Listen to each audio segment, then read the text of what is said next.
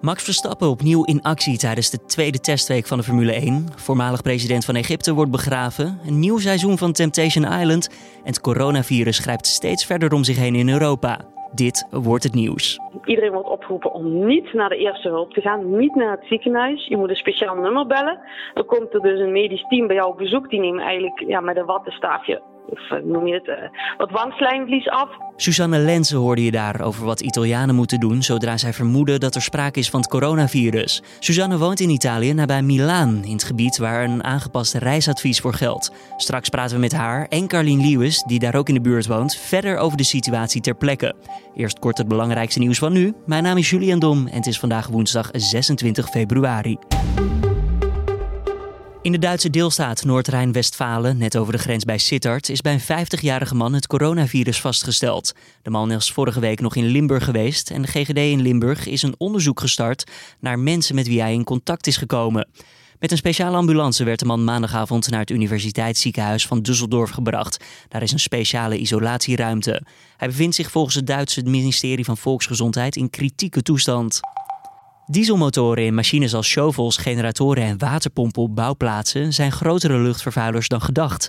Daardoor lopen vooral omwonenden gezondheidsrisico's, zo zeggen experts woensdag in de Volkskrant. Dieselmotoren moeten sinds kort aan strenge Europese normen voldoen, maar in de praktijk worden die uitstootlimieten fors overschreden. De piekbelasting van de uitstoot van schadelijke stoffen is vaak niet te zien in cijfers voor de luchtkwaliteit. Dat omdat die modellen uitgesmeerd worden over een groot gebied. De 29-jarige Duitser die maandag met zijn auto inreed op een carnavalsintocht in Duitsland, wordt verdacht van onder meer meervoudige poging tot moord. De politie stelde het aantal gewonden dinsdag vast op 61 personen, onder wie 20 kinderen. Een deel van hen bevindt zich in kritieke toestand. Het motief van de man is nog altijd onbekend. Uit de eerste resultaten van een drank- en drugstest blijkt dat de man waarschijnlijk niet dronken was tijdens de aanslag, al is het ook nog niet met zekerheid uitgesloten.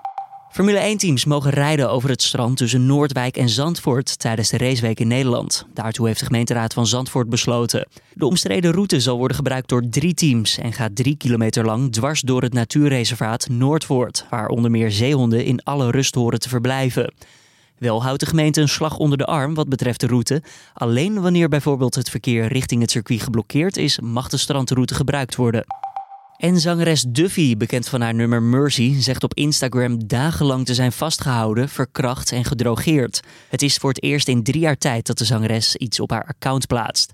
En met dit bericht wil ze die stilte uitleggen. Verder zegt de zangeres dat het lang heeft geduurd voordat ze hersteld was en dat ze de afgelopen zomer haar verhaal deelde met een journalist.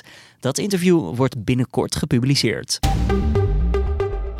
Dan gaan we naar ons nieuws van deze dag. Het ministerie van Buitenlandse Zaken waarschuwt niet naar bepaalde gemeenten in Noord-Italië te reizen vanwege de uitbraak van het coronavirus. Het reisadvies in sommige gemeenten van de noordelijke provincies Lombardije en Padova is daarom ook verscherpt naar het hoogste niveau. In het land zijn sinds woensdag meer dan 200 mensen besmet geraakt met het coronavirus en meer dan 10 mensen zijn inmiddels al overleden. Suzanne Lenze en Carlien Lewis namen beide contact op met onze redactie nadat het coronavirus in Italië werd geconstateerd. Ik sprak hen dinsdag en in deze Dit wordt het nieuws uitzending wilden zij graag hun verhaal delen. Ja, hallo, ik ben Suzanne Lense. Ik ben 36 jaar en ik woon in Romanengo. Eh, dat is dus 30 kilometer van Codogno af, waar dus in Noord-Italië het eerste coronavirusgeval uh, is bekend is geworden. En ik woon 50 kilometer van Milaan. En um, ja, we weten dus niet of in mijn dorp, in Romanengo, dus nu ook het coronavirus is. Omdat er dus een leerkracht uit Sorrezina, dat is ook een van de dorpen waar al coronavirus is ontdekt. Um, zij werkt in Romanengo de middelbare school. Uh, zij ligt sinds zaterdag in het ziekenhuis. Um, in Bergamo, samen met haar familie. En ze heeft dus waarschijnlijk uh, ja, omdat ze dus veel contact heeft met de leerlingen, de leerlingen met de ouders. Waarschijnlijk heeft ze het dus overgedragen, maar op dit moment is dus niemand ziek in het dorp. Maar dat is nu dus afwachten.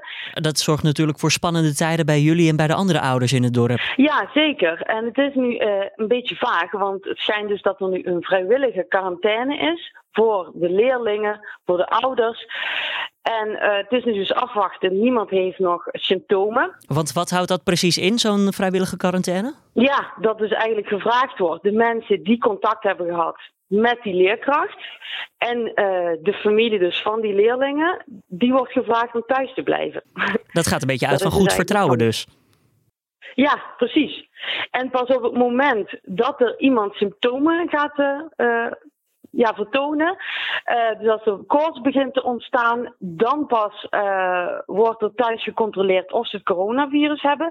En dan pas wordt er gekeken, uh, wordt het dorp dus in quarantaine gezet of is het nog steeds vrijwillig? Is dat wat jou betreft te laat? Ja, ik weet het dus niet. Ik, dit is allemaal heel onwerkelijk, want ik kom sinds gisteren thuis van Nederland. We zijn dus carnaval gaan vieren. Op vrijdag zijn we vertrokken naar Nederland en gisteren zijn we teruggekomen.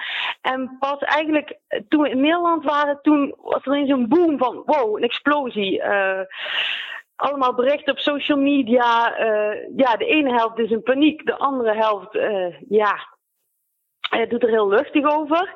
En uh, gisteren vond ik nog wel redelijk paniekerig. Maar sinds vandaag lijkt iedereen een beetje tot bezinning te komen. En ze zeggen ook van ja, het is geen pandemie, maar het is een epidemie. Uh, het is helemaal niet zo dodelijk als dat wordt gedacht. Het gaat eigenlijk, het is eigenlijk meer gevaarlijk voor ouderen.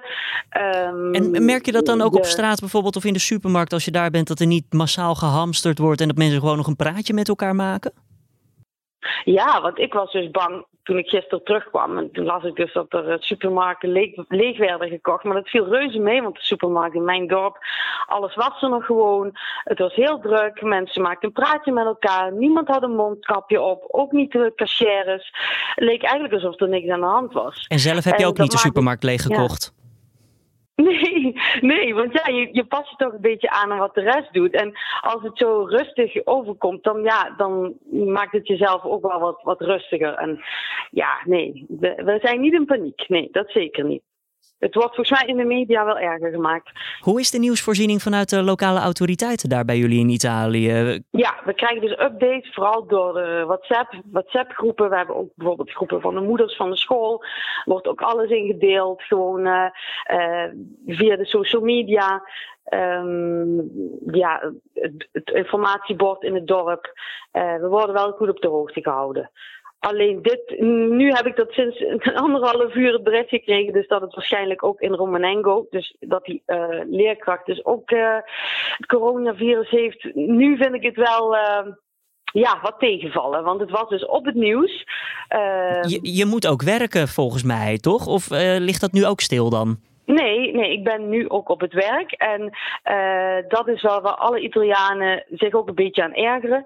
Uh, is toch, ja, we moeten door. Um, een vriend bijvoorbeeld van mijn man, die belde ook op van ja, en, en mevrouw werkt in een boekwinkel in het centrum. En ik ben met haar baas gaan praten van luister, ik wil dat ze thuis blijft. En toen had die baas gezegd van ja, dan uh, als iedereen thuis blijft, kan ik ook de, de rekeningen niet meer betalen, kan ik het personeel niet meer betalen. Dan blijven we allemaal thuis en dan kan iedereen de boel wel sluiten. En uh, wij wonen in het ook economische hart van Italië, dus Lombardije en Venetië ja, dat is toch wel de, de, de motor van Italië. En als het hier uh, misgaat en stil komt te liggen, dan heeft Italië een groot probleem. Want de economie is al zwak. En uh, dat, dat voelt wel. Uh, dat, dat leeft hier gewoon heel erg. En als er verschijnselen zich voordoen bij jullie of bij buren of bij andere mensen in het dorp, wat moet er dan meteen gebeuren? Ja, het was sowieso, um, iedereen wordt opgeroepen om niet naar de eerste hulp te gaan, niet naar het ziekenhuis. Je moet een speciaal nummer bellen. Dan komt er dus een medisch team bij jou op bezoek. Die nemen eigenlijk ja, met een wattenstaafje, of uh, noem je het, uh, wat wangslijmvlies af. Dan wordt het getest. En uh, als je positief bent aan het coronavirus en je bent niet ernstig ziek, dan word je gewoon thuis gehouden in quarantaine. Alleen oudere mensen die echt ook longproblemen krijgen, die worden opgenomen in het ziekenhuis. Tot zover het verhaal van Suzanne, die dus woont in Romanengo, net iets ten oosten van Milaan. Dan door naar Carlien. Um, hallo, ik ben Carlien. Ik woon aan het Gardameer in Bartolino. Precies tussen de uh, rode zones, waar uh, nu het ergste met corona coronavirus gaande is. Ik heb een reisbureau. Ik organiseer reizen tussen Nederland en Italië. En dus uh, Italianen die naar Nederland gaan, maar ook Nederlanders die naar Italië gaan. En sinds uh, gisteren heb ik drie grote annuleringen gehad van drie grote groepsreizen. gistermorgen begon het met de eerste. maar ook mensen die dus vanuit Italië naar Nederland gaan, die niet meer willen reizen. Dan denken ze van ja, dan komen we, moeten we naar het vliegveld en dan moeten we naar Milaan. En uh, de Italianen zijn misschien ook iets paniekeriger. De Italianen, als ze een, een, een beetje verkouden zijn, gaan ze al vaak naar de apotheek of naar de dokter. Dus uh, die zijn iets uh, banger om te reizen dan, uh, dan misschien een Nederlander.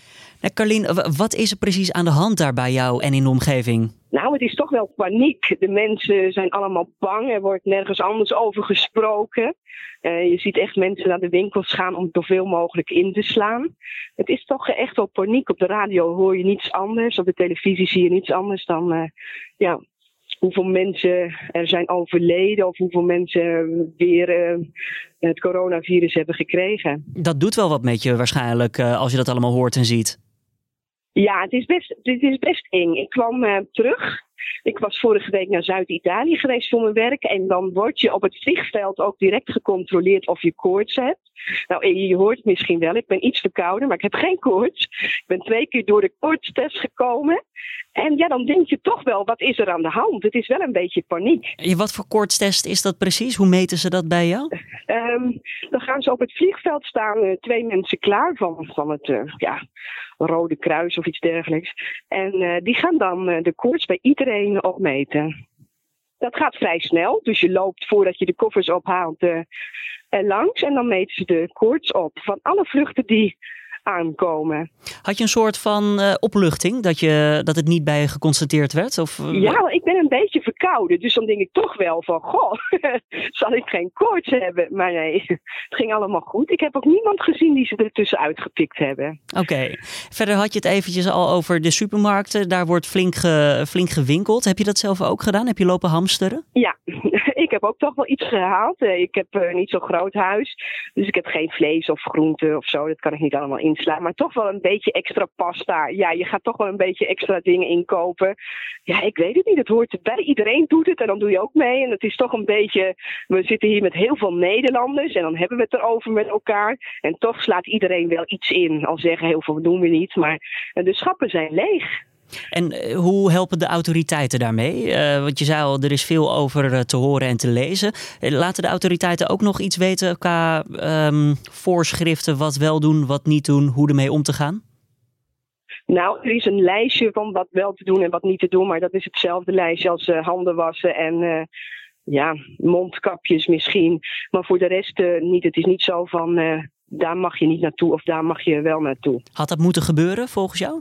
Nou, ik, ik, dat weet ik niet. Ik zit er daar zelf over na te denken. Moet het wel of niet? Ik zou volgende week zelf ook weer op reis moeten gaan.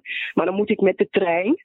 En ik denk toch wel even van, nou, misschien wel even liever niet. Wordt er voldoende gedaan om het allemaal tegen te gaan? Om de verspreiding te minimaliseren daar in de hele regio? Ik denk het wel. Ik denk dat er juist heel veel wordt gedaan. Maar ik denk ook dat het uh, eigenlijk een beetje um, onmogelijk is om alles tegen te gaan. En maar de autoriteiten zijn wel open genoeg voor je over hoe ermee wordt omgegaan met deze situatie. Ja, zeker. Zeker. Uh, er wordt heel veel over verteld, wordt heel veel gedaan, wordt heel veel. Uh, het is niet leuk, maar er zijn hele gemeentes zijn dicht, zitten op slot. Nou, dat hopen we natuurlijk dat dat niet hier gebeurt, maar dat is wel de reden waarom er ook mensen gaan hamsteren natuurlijk. In Bardolino aan het Gardameer gaat het er dus net iets anders aan toe. Carlien Lewis was dat. Heb jij zelf ook een verhaal wat je met ons wilt delen? Dat kan dan uiteraard via redactie.nu.nl of laat even een reactie achter via nu jij onder de artikelen op nu.nl die gaan over het coronavirus. Later deze week hopen we ook nog antwoord te geven op de meest gestelde vragen over het coronavirus. Check daarvoor vooral nu.nl. Dan nog even de nieuwsagenda voor vandaag. De reality-serie Temptation Island gaat verder op Videoland, ondanks dat er eerder nog ophef was om deze vorm van televisie. Aanleiding waren de vervelende ervaringen van deelnemers van het soortgelijke programma De Villa. Volgens RTL zijn er gesprekken geweest met de nieuwe deelnemers van Temptation Island en is op basis daarvan besloten om het nieuwe seizoen toch uit te zenden. Donderdag start het seizoen ook op televisie. En vandaag zal de voormalige president van Egypte, Hosni Mubarak, een militaire begrafenis krijgen. Mubarak kwam in 1981 aan de macht in Egypte en werd in februari van 2011, tijdens de Arabische lente, door militairen aan de kant geschoven. Gisteren overleed Mubarak op 91-jarige leeftijd. En in Barcelona beginnen de Formule 1-teams aan de tweede testweek, die tot en met vrijdag duurt. Max Verstappen komt namens Red Bull Racing woensdagmiddag, donderdagochtend en vrijdagmiddag in actie. Dan nog eventjes het weer voor deze woensdag. De dag die begint met buien over het hele land. Aan zee kan dat gepaard gaan met hagel en onweer. En in de zuidelijke helft van het land met natte sneeuw. In Zuid-Holland, West-Brabant en in het zuiden van Utrecht kan deze sneeuw plaatselijk blijven liggen en dan ook nog eens voor gladheid zorgen. Het KNMI heeft voor deze provincies dan een code geel uitgeroepen. Eventjes voorzichtig doen als je dus de weg op moet. Verder neemt in de loop van de dag de buigheid af. In de zon die breekt wat vaker door en bij een matige tot krachtige westenwind wordt het zo'n 5 tot 7 graden. Slimme voerbakken die automatisch brokjes uitdelen aan je hond of kat. Ja, natuurlijk een mooie uitkomst als je zelf eventjes wat langer van huis bent. Maar dan moeten die apparaten het natuurlijk wel doen. Mocht je nou zo'n bak van Petnet in huis hebben, check dan toch eventjes bij je huisdier of het helemaal goed gaat. Want het bedrijf zegt dat door een storing mogelijk niet elk dier zijn eten heeft gekregen.